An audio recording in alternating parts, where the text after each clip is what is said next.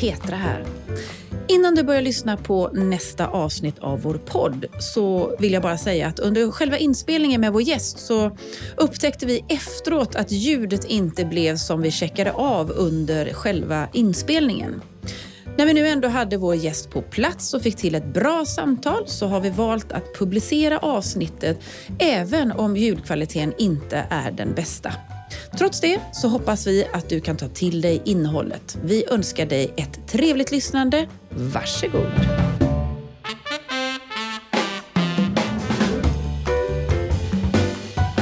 Hej och välkomna till ett avsnitt till av Styrelsesnack med Malin och Petra. Idag befinner vi oss i Stockholm. Och eh, hej Malin! Hej Petra! Vi har ju den stora äran idag att ha en fantastisk eh, kunnig gäst i Karl Svärnlöv. Varmt välkommen till dig Karl. Tack så mycket. Och jag tänker vi bara skulle säga det att eh, den här podden är ju till för dig som då är intresserad av styrelsearbete och eh, bolagsstyrning. Och tillsammans med mig och Malin att vi eh, lyfter på ett antal frågeställningar som men generellt sett är jag intresserad av när man kommer in i ett styrelsearbete. Eh, och idag så tänker jag att eh, det här med ansvar för styrelser är ju ett område som, som jag tänker att du kan prata väldigt mycket om, Karl. Eh, men innan vi gör det så får du jättegärna bara presentera dig kort så att lyssnarna förstår varför vi har bjudit in dig. Det gör jag gärna. Ehm, jag har varit eh, verksam som advokat sedan eh, början på 90-talet. Eh, på samma ställe faktiskt, Baker McKenzie advokatbyrå. Jag började i vårt New York-kontor och var där mellan 90 och 93. Sen kom jag tillbaka till Sverige och har varit på Stockholmskontoret sedan dess. Jag har jobbat väldigt mycket med dels med transaktioner men eh, även med bolagsrätt, bolagsstyrning, corporate governance och eh, på senare år allt mer med ansvarsfrågor. Och jag har också intresserat mig väldigt mycket för eh, bolagsrätten i allmänhet och ansvarsfrågor i synnerhet eh, i, i den det akademiska benet av min, min karriär. Och jag eh, blev på ett tidigt stadium väldigt intresserad av bolagsrätten. Vi är alla olika. Eh, och eh, har lite grann haft det som hobby sedan eh, ja, mitten på 90-talet. Och eh, eh doktorerade 2007 eh, med en avhandling om just ansvarsfrihet. Och Eh, Eh, det som är lite kul med akademiska studier på lite högre nivå eh, är ju, eh, det är lätt att göra sig lustig över att någon liksom doktorerar om, om någon väldigt smal och konstig och specifik grej. Men det, det fina med det är ju att man lär sig väldigt mycket runt omkring. Så att för att lära mig om ansvarsfrihet, som jag skrev om, så var jag tvungen att, att lära mig om ansvaret och för att lära mig om ansvaret var jag tvungen att lära mig om hur styrelser fungerar. Och eh, det har jag haft väldigt stor nytta och glädje av, inte bara i mina akademiska studier utan även eh, professionellt. Och jag har varit inblandad i eh, flera av de stora ansvarsrättegångarna som har varit i Sverige på senare år. Och jag gjorde också utredningen för Swedbank om huruvida de skulle väcka talan först mot Birgitte Bonnesen och sen mot, mot tidigare styrelseledamöter för de här bristerna som uppdagades i eh, samband med den här penningtvättsskandalen. Och sen är du kopplad till Uppsala universitet också, ja, om jag förstått det hela rätt? Ja, ja eh, eller jag var det ska jag eh, faktiskt säga. Därför att eh, eh man enligt högskoleförordningen får man vara adjungerad professor högst i 12 år. Och jag var adjungerad mellan 2009 och 2020 Eh, och nu har det förordnandet gått ut. Eh, och utan att säga för mycket så ligger jag för närvarande i förhandlingar med eh, ett annat lärosäte och så får vi se hur det går precis säga det, det finns ju andra lärosäten. Det finns andra lärosäten och eh, vi får se hur det går med det. Men ja. eh, det kan hända att, eh, att jag kommer att engagera mig någon annanstans mm. rent akademiskt. Ja, det är ett superspännande område för jag tänker eh, vi som då arbetar aktivt i styrelsearbete eh, och eh, jag då som också utbildar liksom, i baskunskap i styrelsekunskap får ju alltid den här frågan om just ansvar. Och det är ett stort område men om vi ändå liksom på något sätt, varför, var börjar man när man ska liksom prata om ansvarsfrågan? För att lite på ett enkelt, jag brukar säga bolibompa-sätt förklara för, för personer som, som är kanske lite nya i detta. Vad, hur, hur benar man ut det här? Eh, jag skulle säga så här att om man eh, ser till att skaffa sig en uppfattning om hur regelverket ser ut i den aktuella branschen. Inte bara eh, aktiebolagslagens grundläggande bestämmelser utan regelverk som, som påverkar den bransch som man är verksam i. Och om man eh, eh är hel och ren och gör sitt bästa eh, för bolaget eh, och, och, och, är vaksam på, på signaler när det börjar gå eh, ekonomiskt dåligt i bolaget, då har man ingenting att frukta som styrelseledamot. Eh, för att eh, det ansvaret för en styrelseledamot är aldrig strikt eh, eh, eh, som, utan kräver oftast någon form av vårdslöshet, oaktsamhet med Bolibompa-terminologi. Mm. Och eh, gör man sin hemläxa, eh, är man en seriös styrelseledamot som lägger sig vinn om att göra sitt bästa, då visar den eh, växande floran av rättspraxis på området att man inte har så mycket att vara rädd för. Mm. Det tycker jag var väldigt befriande, för det, det har vi hört. Jag har till och med pratat med andra av våra gäster, Petra, som mm. har sagt att men de här juristerna och advokaterna, de, de verkar bara vilja skrämma upp oss hela tiden. Mm. Men här, här säger du egentligen att sköt dig, gör ditt bästa, självklart ha grundläggande kunskap. Ja, men det mm. räcker en bra bit. Mm. Det finns ju olika ansvarsgrunder och jag mm. tänkte att vi, vi kanske kunde eller rättare sagt, det finns olika regelverk mm. vilka man kan bli ansvariga och eh, jag tänkte att vi skulle beröra lite kort var och en av dem. Eh, men men eh, jag har haft anledning att gå igenom i princip all rätts, rättspraxis på området vad gäller just eh, skadeståndsansvaret enligt eh, eh, aktiebolagslagen. Och där är det ju så att det var väldigt få fall under hela 1900-talet. Det var en handfull, fem, fem sex fall som var uppe i HD under hela 1900-talet eh, som gällde det som nu är 29 kapitlet i mm. aktiebolagslagen. Eh, och sen var det tyst och lugnt de första fem tio åren av eh, det här årtusendet. Men sen så har det blivit, eh, inte liksom hundratals case, men det har kommit en hel del styrelseansvarsmål och det har fått många styrelseledamöter oroliga. Men jag har gått igenom eh, i princip all överrätts och underrättspraxis som finns på området och jag har identifierat vissa gemensamma nämnare för när det går bra och vissa gemensamma nämnare när det går dåligt. Och det kan vi prata också lite mer om senare. Det är vi jättenyfikna på, tänker jag. Det är det vi vill ha med oss. Ja, ja. Mm.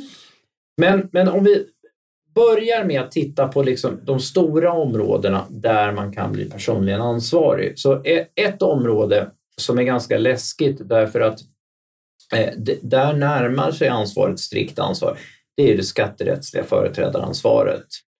Och eh, eh, där är det, eh, det där är en fråga som jag har intresserat mig för eh, och skrivit ett par utredningar för Svenskt Näringsliv tillsammans med eh, den duktiga skatterättsprofessorn Roger Persson Österman på Stockholms universitet. Och vi tycker att de där reglerna slår väldigt, väldigt hårt. Eh, och där som sagt, man närmar sig ett strikt ansvar därför att eh, effekten av reglerna som ser ganska oskyldiga ut. Det, eh, läser man lagtexten så är det uppsåt eller grov oaktsamhet och då tänker man som styrelseledamot, jag kommer liksom aldrig att vara uppsåtlig eller grovt oaktsam. Men som de reglerna tillämpas i praktiken så måste man sätta bolaget i konkurs innan skatterna förfaller, annars så löper man en risk för att drabbas av företrädaransvar som styrelseledamot eller VD om skatterna inte blir betalda. Och för att vara tydlig, det handlar inte om att man liksom är sen med skattebetalningen eller man har en temporär likviditetssvacka som man vet upphör på onsdag men skatterna ska in på fredag. Eh, ja, eh, fredagen innan då. Mm. Då kan man ju kosta på sig och, slira lite på betalningen. Man får en liten smäll på fingrarna av revisorerna i revisionsberättelsen. Den blir inte oren men de anmärker ju på det. Men då är det inga problem utan det är att, att eh, misstänker man att det här kommer inte gå. Vi kommer inte att kunna eh, klara det här. måste man sätta bolaget i konkurs innan skatterna, för, eller senast samma dag skatterna förfaller. Annars så kommer Skatteverket att jaga en, åtminstone om man har djupa fickor. Mm. Och, och, det, och när du säger med djupa fickor, det här är också intressant. Liksom. Mm. Är, är man solidariskt betalningsansvarig då liksom, mellan styrelseledamöterna? Eller ja, då, djupa fickor och, och, och, tunna fickor? Eller så, grunda ja. fickor? Nej, alltså Skatteverket väljer ju raka lite grann mellan vilka de ger sig på. Och eh, eh, Principiellt sett så, så har man väl samma betalningsansvar då, eh, eh, vem man än är om man identifieras som företrädare och, och, och det blir väl då solidariskt. Eh, här är skatterätt så att jag svajar lite. Mm, ja, men eh, men, men eh, eh, Skatteverket väljer vilka de ger sig på och det finns viss, eh, viss stöd för att man ger sig på de som är lättast att få pengar från. Mm. Okej. Okay. Så att eh, ska man, vara, eh, ska man slira på skatterna så ska man, vara, eh, så ska man inte vara förmögen utan då ska man vara fattig så klarar man sig. Mm. Gäller det även andra vad ska man säga, situationer, till exempel med skadestånd och liknande? Att det är samma principer som gäller där? Eller hur? nej, sen Sen, nej, det är lite annorlunda. Så låt oss, mm. låt oss nu lämna... Jag ville framhålla det därför mm. att skatterättsliga företrädaransvaret är bland, bland de läskigaste eh, ansvaren. Jag måste bara eh, ställa en fråga ja, till kring just skatter. Ja. För att på styrelsemötet så, så ställer vi, eller mm. får ju alltid kommentaren, alla skatter och avgifter är betalda. Mm. För mig som styrelseledamot, räcker det att CFO och VD har sagt det? Mm. Eller har jag ett annat ansvar? Eh, det där är väldigt spännande. Eh, och ehm, eh, ja, det är väldigt sällan som en företrädare klarar sig. Eh, men jag skrev ett rättsutlåtande för några år sedan i en ganska spännande företrädaransvarsrättegång där eh, man hade ställt den frågan till, eh, till ekonomichefen. Ekonomichefen hade tittat styrelsen i ögonen och sagt ja, det är betalt, men han hade knyckt pengarna istället, ekonomichefen. Och eh, så skatterna blev inte betalda, bolaget gick omkull och verket gav sig på eh, styrelseledamöterna. Men eh, där finns det inom aktiebolagsrätten en långtgående rätt att förlita sig på den information man får från eh, organisationen eh, under förutsättning att man inte har eh, tidigare haft indikationer på att att eh, ekonomichefen var en tjuv och en kompulsiv lögnare. Utan, eh, och, och därmed så klarade sig faktiskt de styrelseledamöterna. Så den frågan, bara för att göra det väldigt, den frågan är bra att ställa? Den frågan är väldigt bra att ställa. Sen finns det en annan, eh, lite eh, ännu modernare metod och det är att som styrelseledamot kan du med hjälp av ditt bank-id gå in i bolagets eh, eh, skattekonto och titta Mm. Och då kan man se, eh, kan man roa sig med på lördag morgonen eh, och, och eh, se om skatten är betald eller inte. Mm. Men nej, frågan det... är bra att ställa och mm. få kvittens och få det infört i, i protokollet. Och, och, då, då är man i en lite bättre sits än om man inte har ställt frågan. Mm.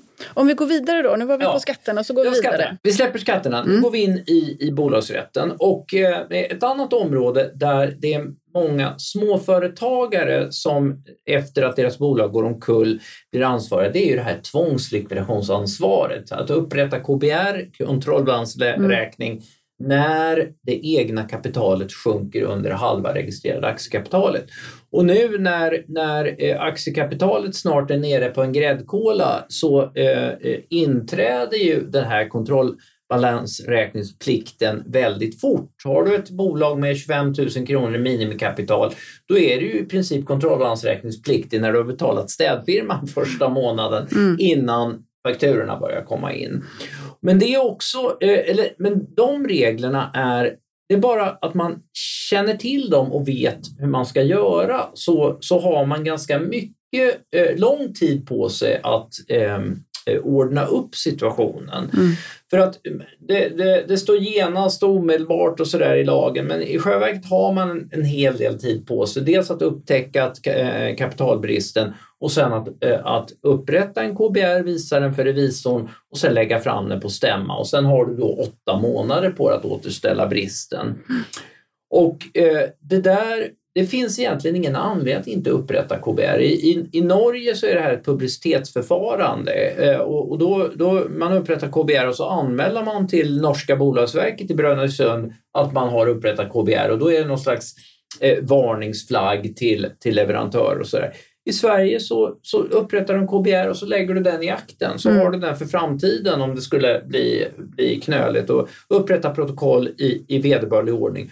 Och när konkursförvaltaren, om det då skulle gå så illa, ska titta på de här frågorna, för det gör konkursförvaltaren, då kan man konstatera men här har styrelsen gjort allting rätt. Man upprättade en KBR, eh, man la fram den för stämman, stämman beslutade att driva vidare och därmed så eh, uppstår inget personligt ansvar för styrelsen även om det skulle gå åt pepparn eh, senare. Men då tänker jag så här, man, om, eh, om man har, har den här kontrollstämman ett då ja. och sen har du kontrollstämma två inom de här åtta månaderna ja. och så eh, konstaterar man att man inte återställt kapitalet men man ser kanske att det finns, man kanske har en pågående dialog med någon investerare som ska investera eller en, en faktura som ska komma in från mm. en stor kund men, men det, det, ryms inte inom de här åtta månaderna. Eh, och så går man förbi kontrollstämma två mm. eh, och ändå väljer att driva bolaget vidare. Mm. Eh, hur ser ansvarsfrågan ut då mm. för ägare och styrelseledamöter och möjligtvis andra? Mm. Ansvaret inträder ju, eh, nu ska vi uttrycka oss på Bolibompa-nivå igen, ja. när man tappar bollen eh, under den här processen. Så att eh, för många bolag som inte känner till reglerna överhuvudtaget så tappar man ju bollen redan inledningsvis. Det blir ingen KBR eh, och så eh, går det sämre och sämre för bolaget och sen tar likviditeten slut och så går det konkurs någon gång på sommaren. Och då konstaterar konkursförvaltaren att här borde ni ha upprättat en KBR redan i, i januari eller redan i december och det har inte hänt. Alltså blir ni personligen ansvariga, styrelseledamöterna, för de förpliktelser som uppstår efter att ni tappade bollen. Eh, och, och, då kan alltså leverantörer vända sig mot bolaget, men det finns ju inte kvar då, utan, och, och så kan man vända sig mot styrelseledamöterna och det är de solidariskt ansvariga. Så man kan gå på vilken som helst av dem och sen får de efter bästa förmåga återkräva resten från de övriga. Eh, och när det då gäller att driva bolaget vidare efter KBR, man gör allting rätt, eh, förlåt, eh, efter eh, andra kontrollstämman, man gör allting rätt fram till andra kontrollstämman och sen om vi ska vara riktigt eh, petiga så har du faktiskt två veckor på dig efter andra kontrollstämman som styrelse att ansöka om bolagslikvidation. Mm. Så att det finns lite, lite gummiband även där. Mm. Men om du då eh, i förlitan på en investerare som dinglar lite kapital framför dig eller ett, ett lukrativt kontrakt som håller på att komma in, eh, slirar på det, ja då uppstår ditt ansvar för nya fakturer när de här, den här två veckors perioden har gått efter andra kontrollstämman då man inte eh, fastställde en, en ny KBR som visade att kapitalet var återställt. Men, men det där ansvaret är ju inte evigt utan skulle det vara så att, att den här eh, attraktiva investeraren kommer in med pengar tre, fyra, fem veckor och ni har haft lite fakturer som har kommit in under tiden, ja, då, då eh, tar man i det läget en ny KBR visar att kapitalet är återställt och då eh, är allting frid och fröjd igen. Mm. Okay. Men är det bara ehm, eh, styrelseledamöterna som exponeras för ansvar eller kan även ägarna exponeras för ansvar vid det tillfället? För att det är ju ändå ägarna som på stämman säger att eh, eh givet den här situationen, eh, givet möjligheten att återställa kapitalet inom eh, eh en stund, eh, så driver vi det här vidare. Och att man, det beslutet ligger ju hos ägarna, inte hos styrelsen. Mm. det Styrelsen kan drabbas av ansvar ändå såvida man inte visar att man har gjort det eh, man borde ha gjort och då i det läget så måste styrelseledamöterna för att undvika ansvar söka bolaget i, i likvidation. Och mm. Gör de inte det så, så åker de dit. Mm. Eh, och, och, det finns en, en eh, möjlighet kommer tillbaka till aktieägarna strax. Det finns en möjlighet för eh, styrelseledamöter eh, att, som juristerna säger, exkulpera sig. Det vill säga att presumtionen är att de är ansvariga, men om de kan visa att, att det här var liksom inte mitt fel, då, då slipper de ansvar. Men att att ägarna har sagt åt styrelseledamöterna sitt i båten, det är ingen ursäkt. Nej.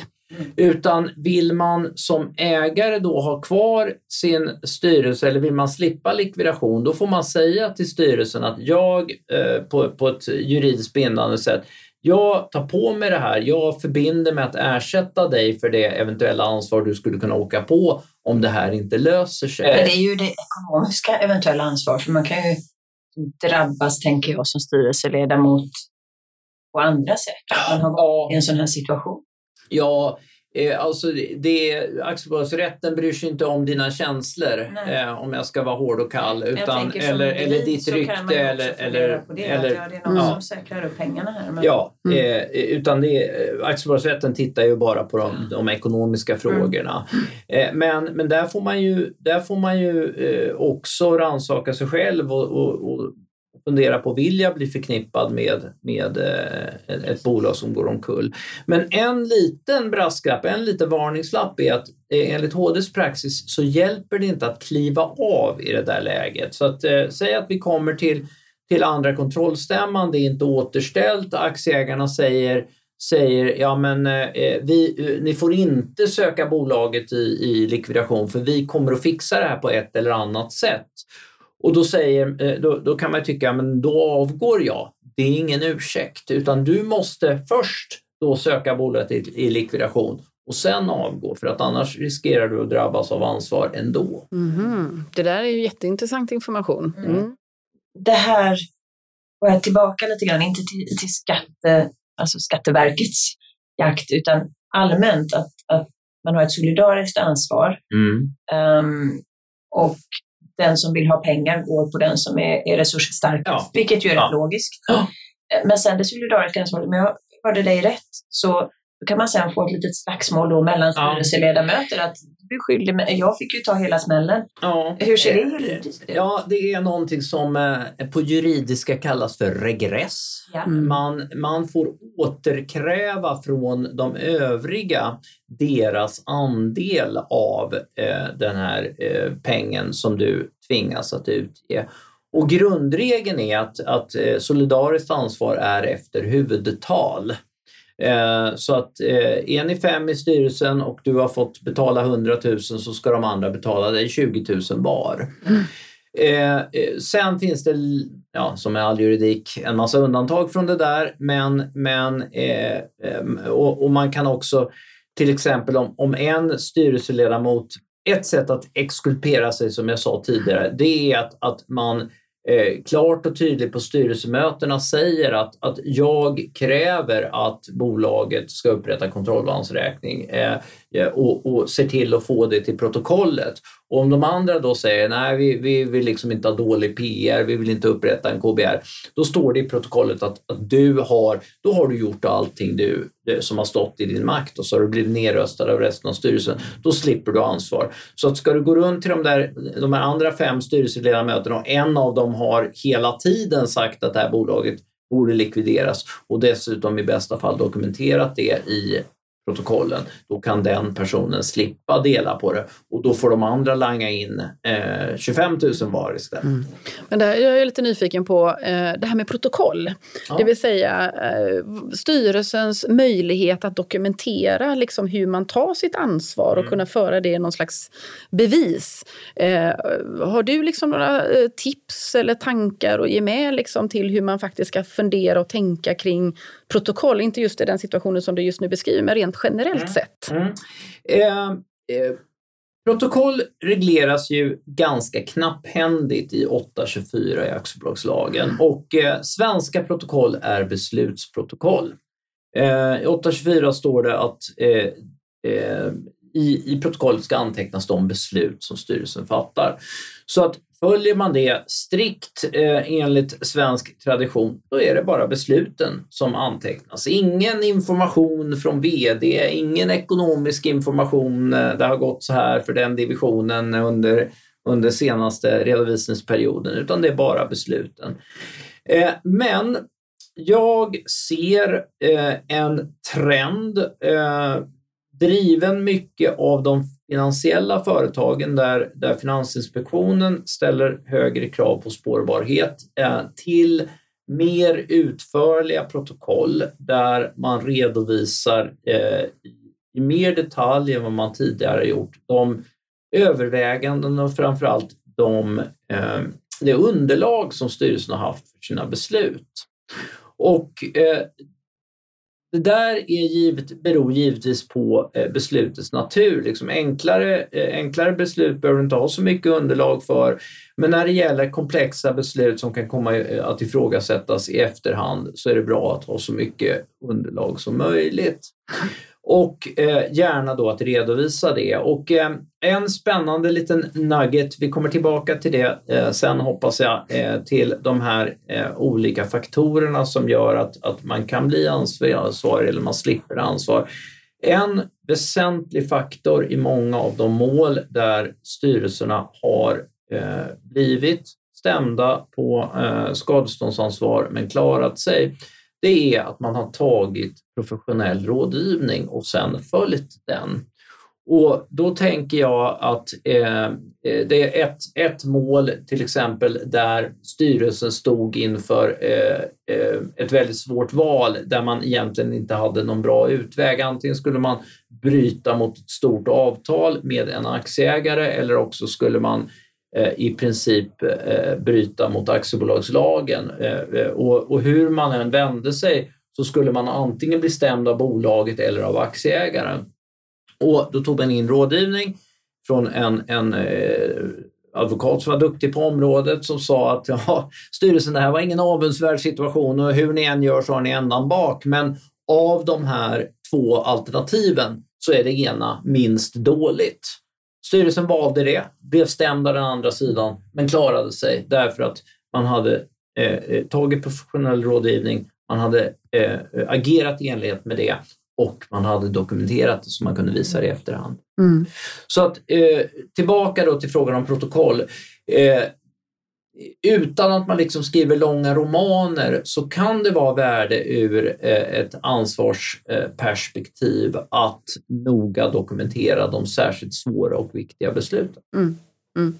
Och det här som kanske sker då mellan styrelsemötena, det vill säga att man mejlar varandra, man kanske har möten med vissa mötesanteckningar och, och liksom annan typ av dokumentation. Eh, hur mycket kan man använda sig av det om man nu skulle hamna i, liksom i, i något svårt eh, juridiskt läge och ska föra sig liksom bevis om att jag har varit aktsam minsann. Mm. Vi har ju fri bevisprövning i Sverige och det innebär att du kan eh, i princip dra in vilken eh, dokumentation som helst i domstolen för att eh, bevisa din oskuld eller att du har gjort det du ska. Men det är klart att, att styrelsen fattar beslut på styrelsemöten och det är ju de viktigaste, de viktigaste spår man lämnar efter sig som styrelse är ju eh, protokollen och protokollen har dessutom en mycket stark bevisverkan i och med att de är på, påskrivna i, av i princip minst tre personer. Eh, så att eh, de här riktigt viktiga bitarna eh, ska man nog se till att försöka få in i protokollen. Mm. Nu tänkte jag, du, du pratade om det här med ansvarsfrågan och eh, din avhandling handlade om det här ansvarsfrihet mm. inför ägarna. Mm. Och sen så tog du ju då inför tredje man, det är till exempel Skatteverket eller mm. skattebetalningarna och så. Mm. Ja, och, eh, precis. Men om du tar det här med ansvarsfrihet, för det tycker ju folk är väldigt spännande. Liksom, mm. Vad innebär det egentligen, eh, hela den delen? Är, är liksom, kan man gå ifrån en stämma och få ansvarsfrihet och, och, och liksom, eh, tycka att eh, nu... Det är några trevliga sekunder sekunder där. Ja. Du har fått ansvarsfrihet innan du är omvald. Ja, nej, men jag tänker bara om du ändå skulle liksom kunna hjälpa våra lyssnare och, förhålla sig till frågan ansvarsfrihet i alla fall på något enkelt sätt. Ja, nu, nu blir jag alldeles varm i kroppen här och jag tittar på klockan och jag undrar hur många timmar vi har på oss. Det här är ju mitt avhandlingsämne. Ja, ja, och här måste jag faktiskt dela en, en, eh, en liten anekdot innan vi börjar med den biten.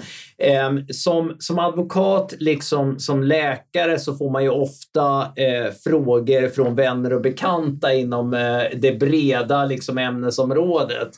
Och eh, jag brukar alltid för min släkt, eh, eh, när, när eh, jag får frågor om liksom samboavtal och sånt där. Det är klart att man gör sitt bästa för att, för att hjälpa till. Men det var liksom 40 år sedan jag läste familjerätt. Mm. Så jag brukar säga att, att jag kan inte mycket användbar juridik. Ehm, eh, och vi har en god vän till familjen som ehm, hjälpte mig eh, nu senast under en hel, eh, en hel helg att göra 2000 timmars service på traktorn. Så att han och jag låg och kröp under traktorn och bytte olja och sådär. Eh, han ringde mig ehm, en morgon och sa jag har en juridisk fråga och jag liksom bara suckade tungt och tänkte nu kommer det något samboavtal eller någonting sånt. Men eh, eh, liksom, han la 48 timmar på min traktor. Jag måste hjälpa honom. Och han sa jo, det är så att jag sitter i bostadsrättsföreningsstyrelsen och jag har en fråga om ansvarsfrihet. Oj, underbart. Så att, eh, det, det, var enda gången i mitt liv jag tror jag fått liksom en, en, eh, en juridisk fråga från, eh, från en bekant som, eh, som jag kunde svara på. Då sa jag till honom som jag sa till er nu, hur många timmar har vi på oss? Men ansvarsfrihet, eh, det, det Eh, Eh, det korta svaret är väl att, eh, eller det korta svaret är att när du har fått ansvarsfrihet från stämman, då eh, har bolaget i princip avstått från möjligheten att väcka talan mot dig för skadeståndsansvar till bolaget för det räkenskapsår som ansvarsfriheten omfattar. Och ansvarsfriheten omfattar då alltid det räkenskapsår som sammanfaller med den årsredovisning som läggs fram på stämman. Så att förlängt eller förkortat, det är det räkenskapsåret. Och därför så var det lite märkligt eh, för några år sedan eh, när eh, Swedbank hade stämma och det hade blivit någon kontrovers mellan vdn och styrelseordföranden i i januari, februari någonting och så hade man stämma i mars och då nekade man ansvarsfrihet tror jag för de båda. Eh, eh, med, eh, vilket då var lite märkligt eftersom det då gällde ett år som överhuvudtaget inte var på tapeten mm. då utan man talade egentligen om det, det tidigare eh, år. Eh, eller ja, det här, var, det här skulle egentligen behandlas året efter i så fall. Mm. Men eh, eh, så det är ena, eh, det är ena principen att det gäller Eh, för det gångna räkenskapsåret. Eh, och när jag säger att man, bolaget i princip avstår från rätten att väcka talan så är det ju så att det finns tre stycken undantag. Eh, två stycken är ganska smala skadestånd på grund av brott om det skulle visa sig att någon av de här styrelseledamöterna som har fått ansvarsfrihet eller vdn har begått trolöshet mot huvudman eller förskingrat pengar från bolaget eller någonting sånt, då är bolaget oförhindrat att haka på målsägandetalan i det åtalet i princip eh, eh, av meddelad ansvarsfrihet. Och sen finns också eh, begränsningar i händelse av bolagets konkurs. Då har konkursförvaltaren möjlighet att bryta igenom meddelad ansvarsfrihet eller annan specialpreskription under en viss tid. Men sen har man ett eh, undantag som faktiskt är så stort så att eh, den gamle juristprofessorn vid Handels, Knut Rode, kallade, eh, sa att, att ansvarsfrihet endast har en ceremoniell betydelse. Nu tycker jag att det där är kanske lite väl hårt, men det undantaget säger, återigen på Bolibompa-nivå, att om bolagsledningen har mörkat vissa förhållanden för stämman så att stämman inte känner till de förhållandena när man beviljar ansvarsfrihet, då gäller inte meddelad ansvarsfrihet. Mm. Mm. Och det gör att i praktiken, eftersom eh, eh, styrelserna kanske inte är jättenoga med att framhålla vilka, eh, de är bra på att visa vilka framsteg de har gjort, de är kanske mindre, det är mänskligt, bra på att peka på de misstag man har gjort under året.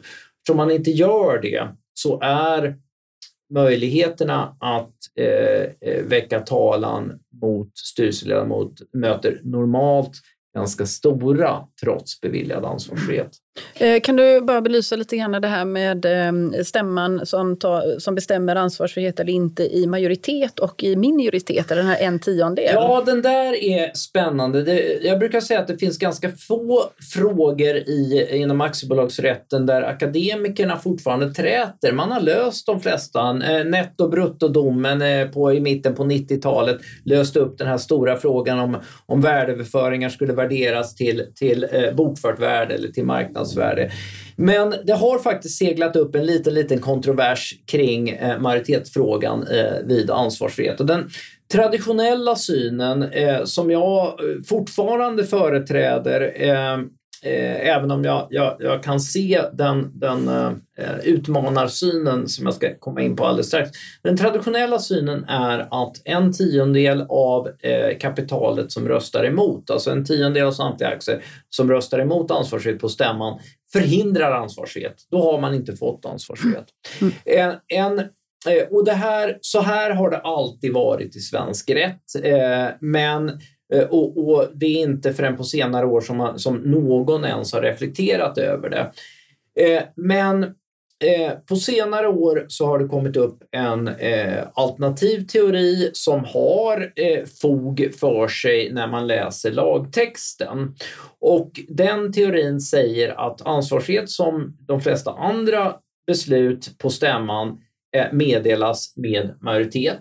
Men om en tiondel av samtliga aktier röstar emot så kvarstår möjligheten att väcka talan.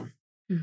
Och jag kan tycka att det där är, i och för sig man kan ta eh, två steg tillbaka och säga att det här är bara akademiska hårklyverier eh, och, och det viktiga är att, att liksom, eh, är det en tiondel eller mer som röstar emot, då kan man fortfarande bli stämd. Och det, det är kanske det som blir som är, eller det är det som är effekten av att en tiondel röstar emot. Sen kan man diskutera om det innebär nekad ansvarsfrihet eller beviljad ansvarsfrihet fast med möjlighet att fortfarande, eh, fortfarande väcka talan.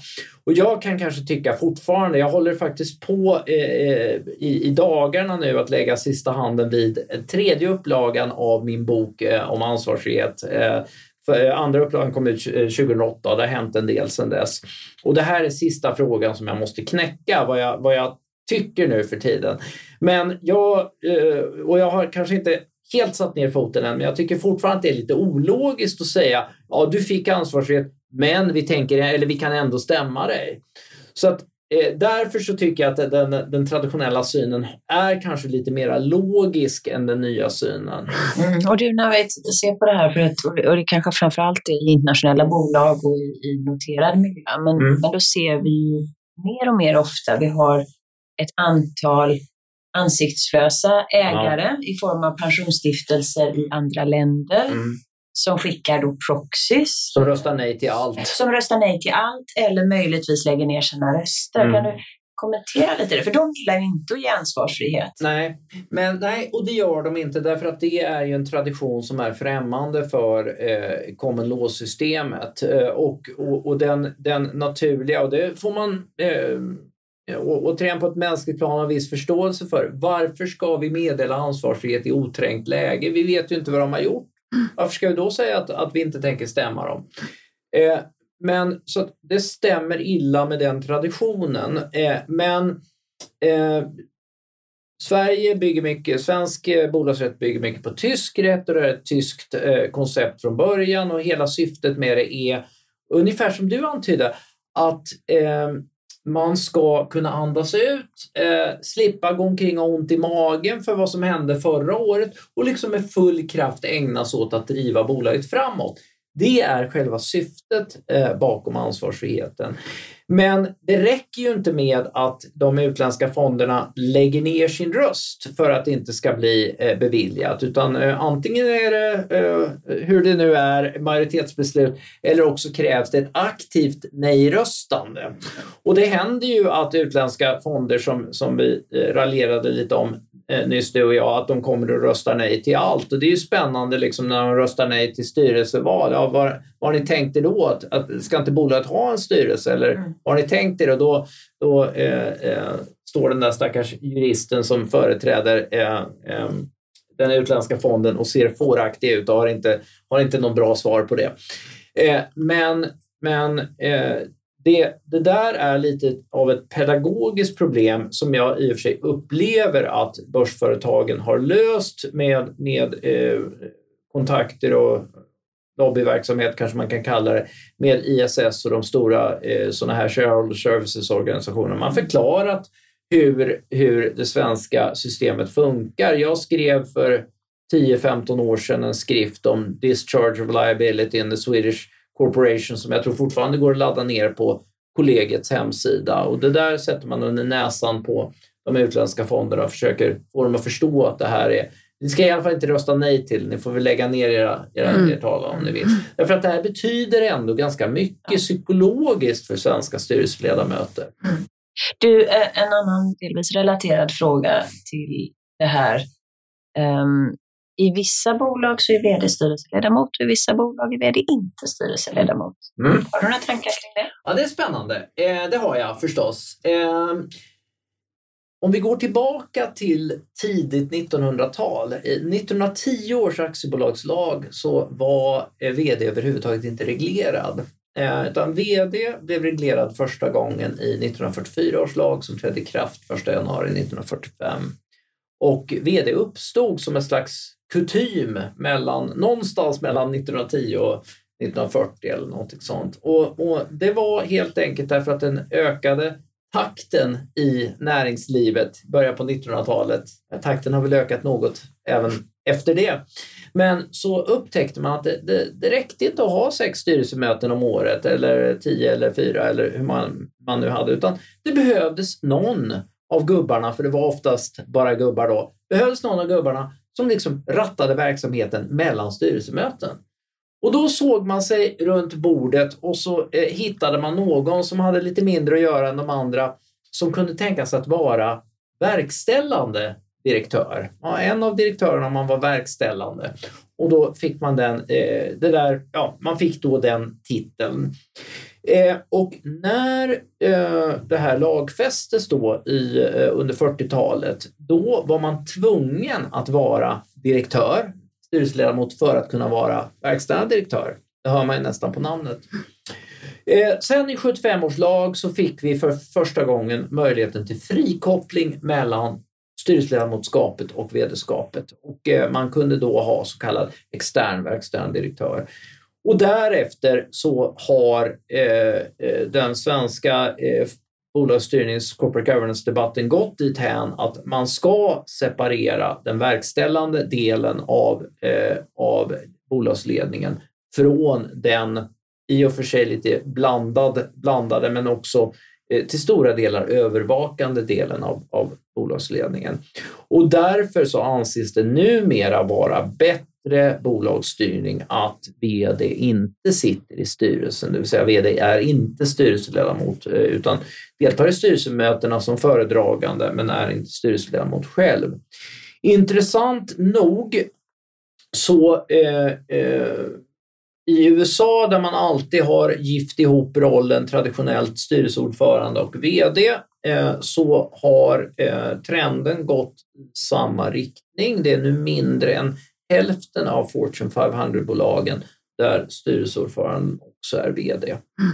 För, det, för det var egentligen min följdfråga. Mm. Hur mycket spanar man på varandras governance och, och tar... Eh, det, det, är klart att man, har, man får eh, mycket intryck eh, från, från eh, eh andra system. Hela det här utskottsväsendet är ju en eh, eh, amerikansk lösning på ett amerikanskt problem som vi har fått in i Sverige via England och sen via EU. Eh, för vad är utskotten till för? Jo, de är till för att lösa ett inneboende jävsproblem i amerikanska styrelser som till stora delar, nästan till hälften, består av ledningspersoner.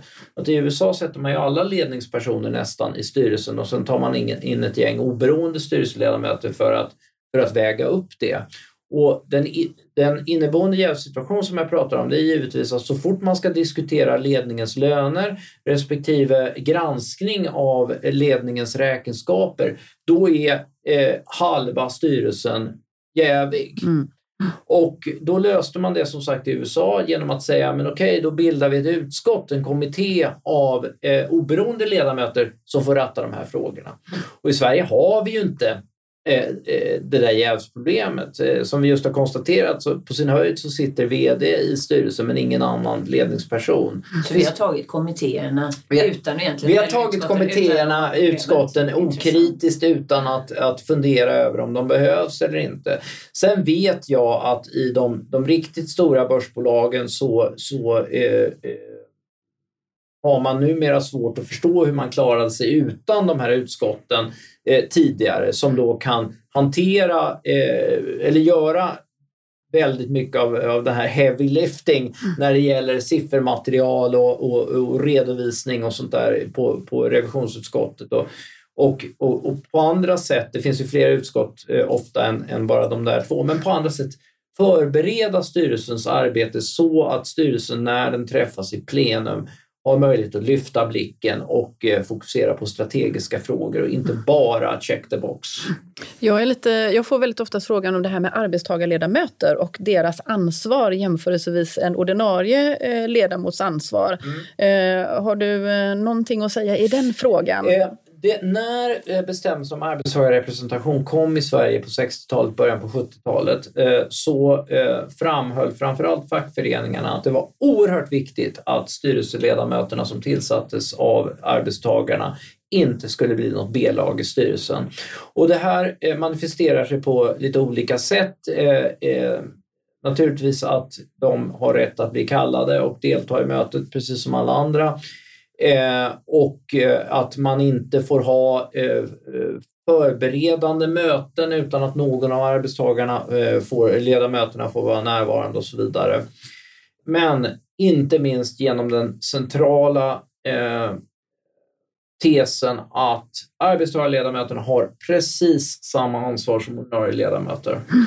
Eh, jag har personligen väldigt svårt att förstå hur man vågar sätta sig i en styrelse som arbetstagarledamot eh, när man har, och i synnerhet eh, skulle jag säga i finansiella företag, när man har precis samma ansvar som alla andra men inte nödvändigtvis den bakgrund eller utbildning som eh, de bolagsstämmovalda ledamöterna har. Mm. Men det är ju upp till var och en hur man vill mm. göra. Mm. Eh, I dansk rätt så finns det ett par rättsfall eh, där banker har gått omkull, där domstolarna var lite, lite snällare mot arbetstagarledamöterna eh, inom ramen för vårdslöshetsprövningen. Eh, jag är väldigt, eh, jag tror att det var mer ett sånt här breakfast argument som man brukar säga på på engelska när domstolen röstar mera med magen än med, med huvudet. Eh, mm. Jag tror man tyckte synd om arbetstagarledamöterna. Men det tror jag inte man kan räkna med att, mm. Eh, att, att, eh, få särskild behandling utan man sitter på kroken precis som alla andra och har samma ansvar. Ja, men jag tänker att det finns en, en uppfattning om att det kanske skiljer sig ansvarsmässigt ja. Eh, och därför så tycker jag det är viktigt att få med ja. sig den frågan att det är ja. lika ansvar. Så. Och samma regelverk är viktigt också. Vi, vi, vi, tänker att vi ska prata verkligen arbetstagarrepresentanter någon gång framöver. Mm. Men, men också det här med. Det, jag är oerhört imponerad också av de arbetstagarrepresentanter jag stöter på. Mm. Men det är en väldigt tuff och utsatt ja. situation, för man får insikt i saker som man inte har rätt diskutera utanför mm. styrelserummet. Mm. Därför att man omfattas av precis samma tystnadsplikt mm. som mm. övriga styrelseledamöter. Mm. Det är svårt. Och risken är att man blir tagen som gisslan Exakt. i förhållande till sina kamrater på arbets mm. eller på verkstadsgolvet. En väldigt vanlig fråga som jag tänker du får också och som, som vi och jag kan få till med då i styr, liksom utbildningssammanhang. Eh, det är ju det här eh, som du säger då, att eh, fler kanske då eh, hamnar i rätt rätten. Men, men liksom, hur många domar är fällande? Alltså, hur ser det ut mm. liksom, statistiskt? Och så brukar de säga ja, men om vi har en styrelseansvarsförsäkring så, så är det lite drulle på den, så den, då klarar vi oss. Eh, eh, kan du någonstans förhålla dig till och, och lite grann resonera kring, kring, kring det? Ja. Eh, sedan eh, år 2000 så finns det en ja, säg ett, ett 40-tal domar beroende lite grann på hur man räknar. Det, eh, vissa är ju, går ju genom alla instanser eh, så att det, det, blir domar i både underrätter och överrätter. Men det finns ett 40-tal domar om, eh, om eh, styrelse och eh, för all del revisorsansvar. Eh, som som sagt, jag hade anledning att gå igenom för, för något år sedan i samband med att jag, jag skrev en artikel. Och Eh, Eh, det är väldigt få av dem som leder till, eh, till ansvar för styrelseledamöterna. Eh, och en anledning till det, ja, dels att, att det ska vara svårt att hålla styrelseledamöter ansvariga därför att, därför att allt annat skulle skicka en, en rejäl kalldusch över, över styrelse-Sverige. Man vill inte sitta i styrelser om, om, om det är för stor risk att bli ansvarig.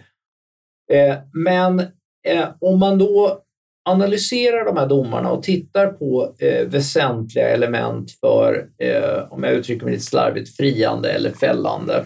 Det är ju bara i brottmål som man talar om det. Men de, de, det finns en gemensam nämnare för de styrelseledamöter som har drabbats av ansvar och det är illojalitet. Man har agerat på ett sätt som är illojalt mot bolaget eller mot eh, minoritetsaktieägarna.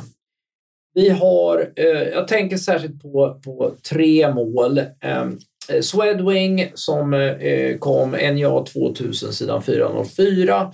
Flygbolagsstyrelse tröttnade på minoriteten, tyckte att de var jättejobbiga, startade ett nytt flygbolag där minoriteten inte fick vara med som aktieägare överlät verksamheten inklusive eh, luftfartstillståndet till det här nya, eh, nya bolaget och lät det gamla bolaget gå i konkurs.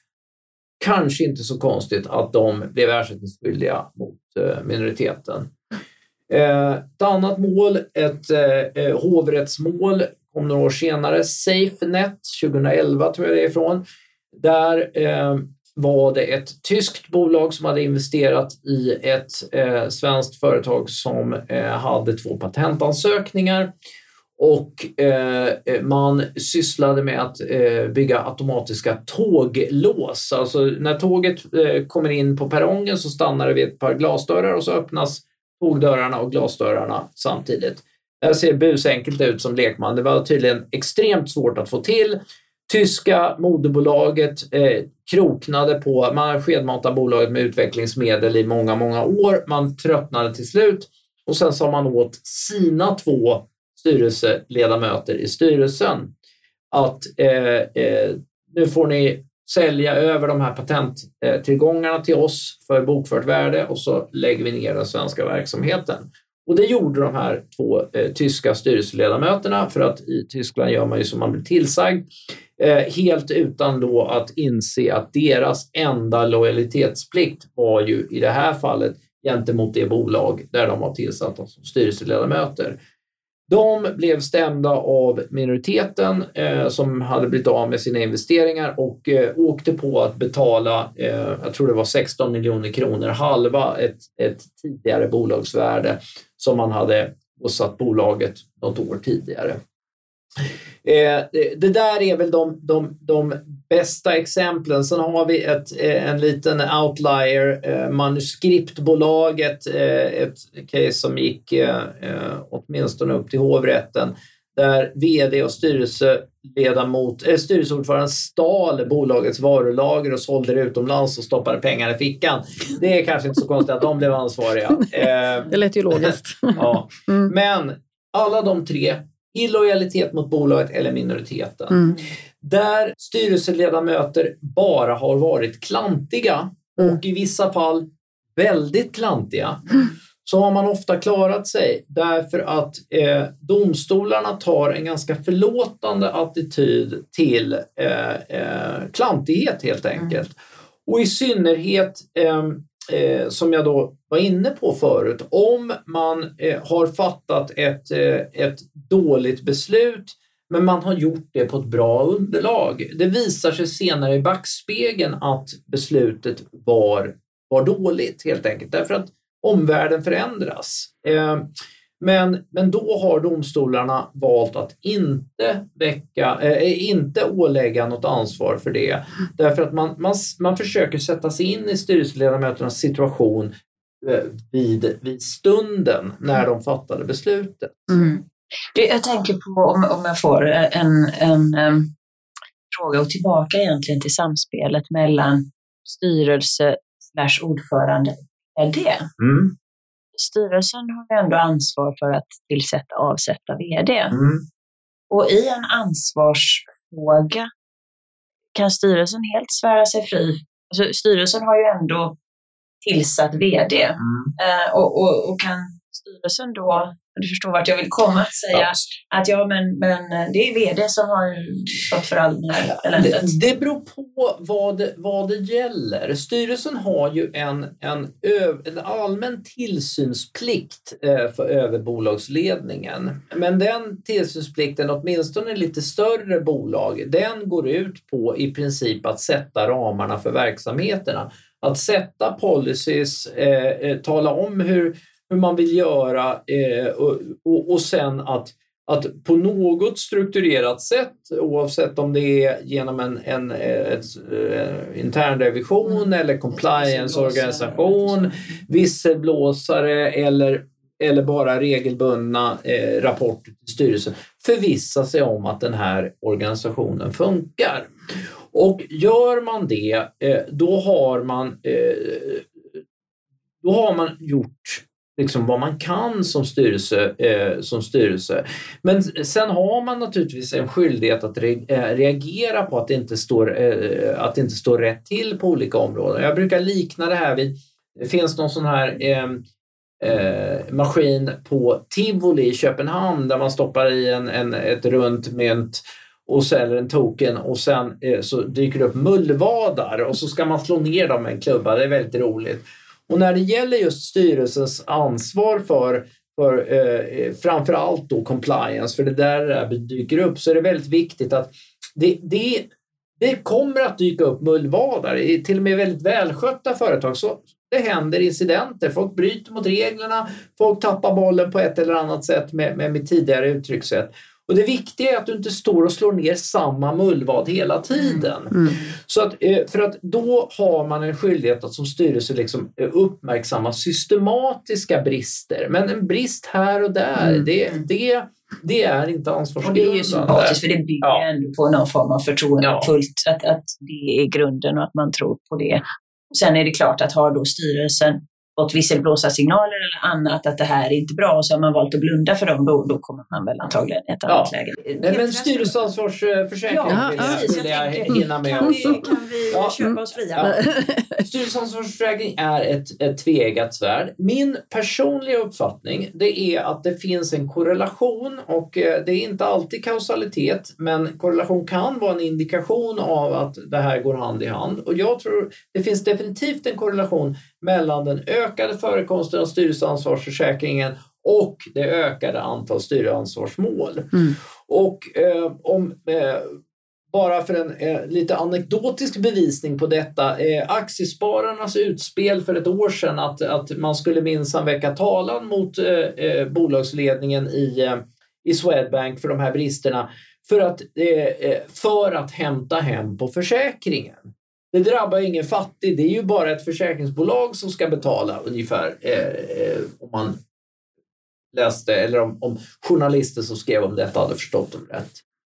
Eh, så att Eh, jag tror att å ena sidan så har det plötsligt blivit intressant att väcka talan mot styrelseledamöter. För tidigare, eh, liksom det, det, värsta man kunde, det mesta man kunde komma över var att driva in villan i Täby och några miljoner hit eller dit. Men, men nu finns det plötsligt lite större, djupare fickor att ösa ur.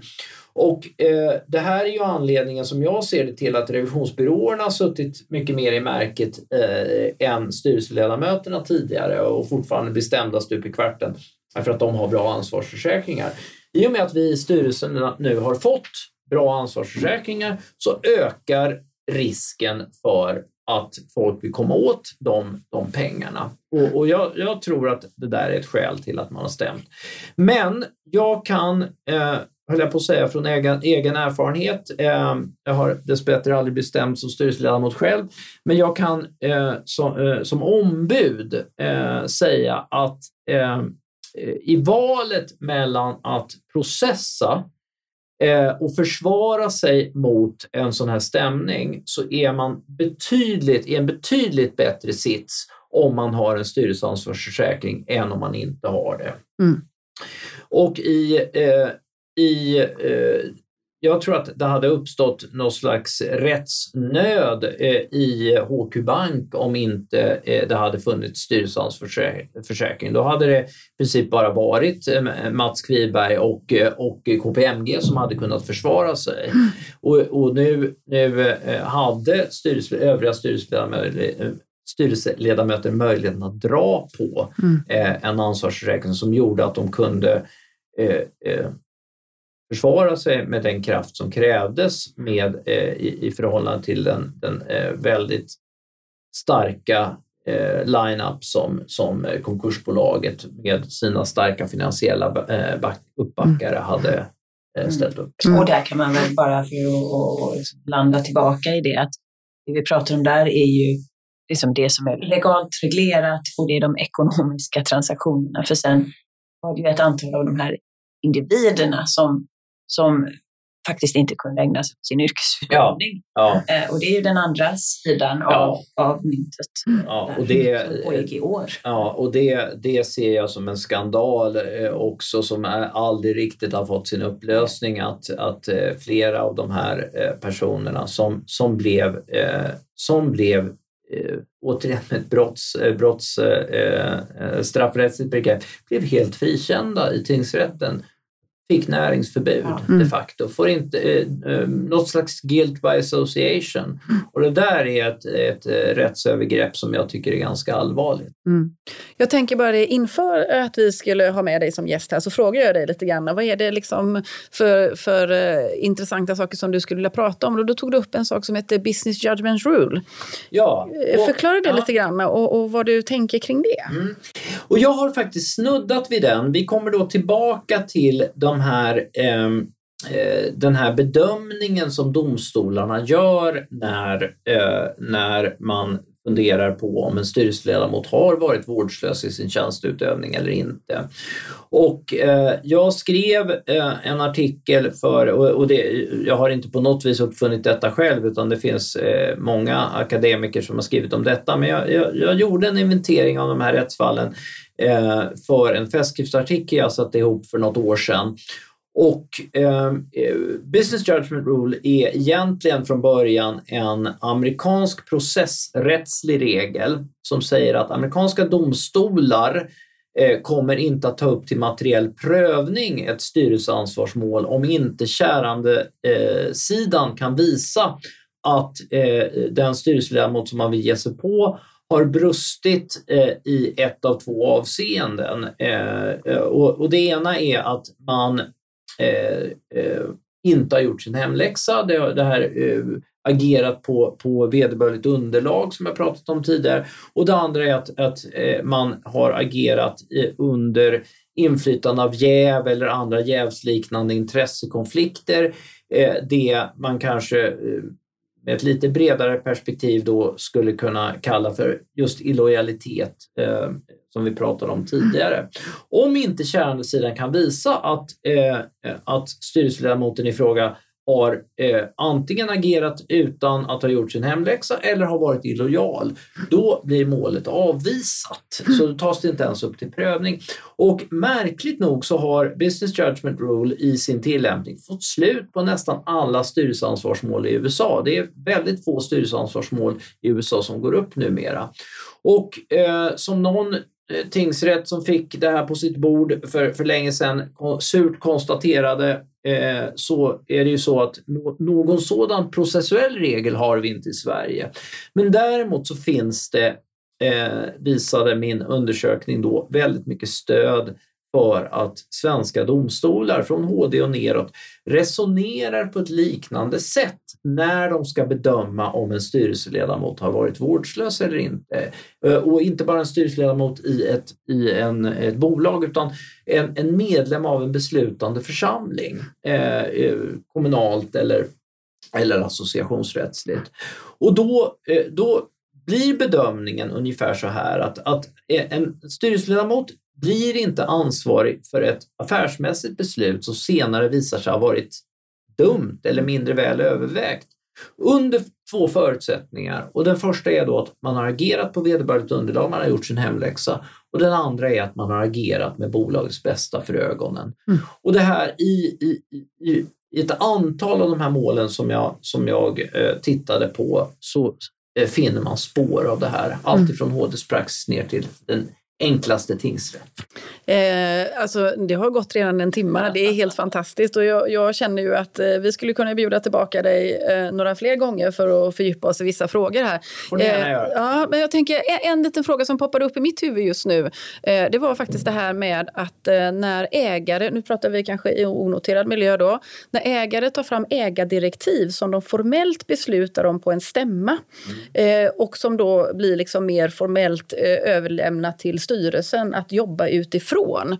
Eh, så har jag hört några som hävdar ändå någonstans att eh, när det blir formellt bestämt så blir det också ett, eh, ett vad ska man säga, man kan ställa det rent ansvarsmässigt mellan styrelseledamöter och ägare om man, huruvida man har liksom levt efter det uppdraget eller det direktivet man har fått från, från ägarna på en stämma. Eh, hur ska man tänka där? Eh, alltså det känns ju som att med det du har diskuterat nu så eh, bolagets bästa är ju ändå liksom, det händer ju saker här och nu eh, som vi måste ta hänsyn till. Eh, och vi vill ju liksom eh, naturligtvis eh, nå någon framtid som ägarna vill, kanske ekonomiskt åtminstone då. Men så finns det ju massa andra saker i de här ägardirektiven. Alltså, hur ska man förhålla sig till ansvarsfrågan gentemot ett eh, formellt beslutat ägardirektiv? Grunden för eh, eh, ägardirektiv är ju i, i princip styrelsens lydnadsplikt eh, mot stämman och styrelsen är rent principiellt skyldig att lyda direktiv från stämman i den mån det inte strider mot lag för att förenkla lite grann. Mm. Men jag tror i och för sig att man eh, måste ta en lite mer nyanserad bild av det där därför att i, i, i den, styrelsen har en övergripande lojalitetsplikt och vårdplikt mot bolaget och, eh, eh, eh och indirekt mot samtliga aktieägare. Och eh, om man tänker sig, för att hårdra det här lite grann, att man eh, eh, eh en en eller ett par majoritetsägare som tillsammans lyckas samla ihop mer än 50 procent av rösterna på stämman driver igenom direktiv som eh, eh, kanske eh, inte är, de strider inte mot lag nödvändigtvis, men de kanske inte är det bästa för bolaget. Det kanske är bra för, för, för eh, de huvudägarna utan att det för den skull nödvändigtvis behöver innebära en överträdelse av generalklausulen i vilket fall det skulle strida mot lag. Eh, eh, men, men ändå kanske inte är eh, enligt styrelsens förmenande det optimala sättet eller det, det optimala eh, eh, inriktningen för bolaget. Då menar jag ändå att styrelsen har en egen prövningsrätt eh, inom ramen för sitt ansvar gentemot eh, bolaget och gentemot övriga aktieägare att eh, fundera över att är det här ett, ett direktiv som vi eh, till alla delar vill följa? Och visst kan det vara eh, det kan vara en ansvarsgrund att man har fått en instruktion från stämman att göra något visst och så gör man tvärtom och så skadar man bolaget. Det skulle kunna vara ett bevis på vårdslöshet. Men men eh, det behöver inte vara så och eh, jag tror att man som styrelseledamot ska ta en ganska nykter inställning till, eh, till ägardirektiv och fundera över om, om är det här verkligen... Klart, har man bara en ägare och man får det direktivet och det inte i övrigt strider mot lag, fine, då är det bara att köra. Eller, eller, eller om man inte gillar läget, ta sin mats ur skolan. Mm. Det är mm. ingen som tvingar en att sitta kvar i den mm. styrelsen. Mm. Men har man minoritetsägare och eh, direktivet genomtrumfas med ganska liten majoritet, i synnerhet om, om det är många som röstar emot det, då måste styrelsen eh, eh, själv pröva frågan. En, en intressant fråga hade varit eh, eh i eh, apropå då Aktiespararnas initiativ som jag nämnde för en stund sedan. Om vi ponerar att Aktiespararna på stämman hade fått ihop en knapp majoritet för att man skulle väcka talan mot Birgitte Bonusen, en, en åtgärd som då eh, skulle gå stick i stäv med vad styrelsen tidigare hade bedömt var i bolagets intresse, Skulle styrelsen då ha varit skyldig att väcka talan? Eh, jag anser inte det. Nej. Då tänker jag så här, alltså det är ett superspännande område och, och det här är ju ett sånt, eh, liksom för de allra flesta styrelsearbetare, eh, smalt område. Det är ju inte därför vi är styrelseaktiva, men vi måste ha koll och vi måste ha förståelse för de här frågorna.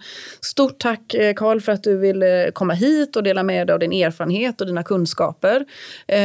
Och vi hoppas att våra lyssnare har fått flera perspektiv och, och insikter ifrån det här samtalet med dig möjligheten att göra det förståeligt ja. på Europanivå mm. Eh, uppskattar vi väldigt eh, mycket. Ja. Och, eh, och även om vi då inte kommer att se det på Uppsala universitet framöver utan på något annat lärosäte så tänker vi att det finns dina böcker och du finns på, på många sätt. Så att, både välkommen tillbaka till podden men också att ta till sig detta från andra kanaler. Men jag tänker också det, du är ju väldigt produktiv när det gäller litteratur. Så att eh, just det här att man kan söka på ditt namn och du har ju skrivit en hel del böcker som man faktiskt kan läsa. Mm. Så du är ju väldigt aktiv på det området. Så det kan vi väl ändå tipsa om. Ja. Eh, att eh, om ni vill fördjupa er lite grann så några av dina böcker kan vara väldigt intressanta att ta till sig. Tack så mycket. Stort tack Karl för att tack. du kom hit. Och tack alla lyssnare och tack Malin. Tack Petra. Ha det så bra. Ha det så bra. Hej. Hejdå. Thank you.